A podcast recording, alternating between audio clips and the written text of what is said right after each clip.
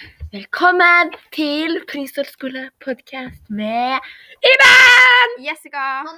Og Kristina! Så I dag skal vi svare på noen spørsmål. I dag skal vi svare på noen spørsmål om forbruk. Så la oss starte. Hold kjeft. Jessica, hva er forbruk, og hva er, er, er, hva er en forbruker? Forbruk er å kjøpe mer enn det man trenger. Next question. Neste spørsmål. Hvordan har forbruket vårt endret seg over tid? Det har økt, økt ganske mye over tid. Ok, neste spørsmål. Hvorfor har forbruket vårt økt? Fordi folk har fått mer lønn og bruker mer penger på klær enn mat.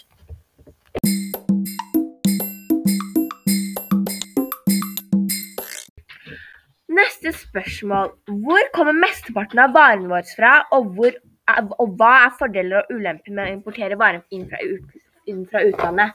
Mesteparten av varene våre kommer fra Kina, og ulempene med det er at vi slipper ut masse CO2 når vi eh, importerer det til Norge.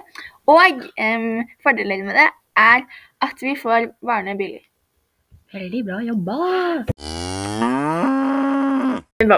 Eh, ok, Neste spørsmål er hva menes med at vi forbrukere har makt, og hvordan kan vi bli mer miljøvennlige forbrukere? Det du mener som at vi har makt, er at vi har jo penger, og da kan vi bestemme liksom hvor mye vi kjøper selv. Og at vi kan bli, det med at vi kan bli mer miljøvennlige, er at vi kan jo kjøpe brukte klær, eller kjøpe mindre, eller gi bort klærne man allerede som man ikke trenger. Hvor, hvor mye penger bruker du på sko og klær hvert år? Jeg bruker ca. 2000 til sånn 4000 kroner på sko og klær hvert år. Manor? Jeg bruker ca. 4000 til 5000 på klær og sko gjennom året. Eh, jeg bruker kanskje sånn 6000 på sko og klær eh, hvert år. Mm, Jeg bruker ca. 1000 mellom, til 2000 kroner hvert år. Oh, thank you. Hva er sammenhengen mellom forbruk og forurensning?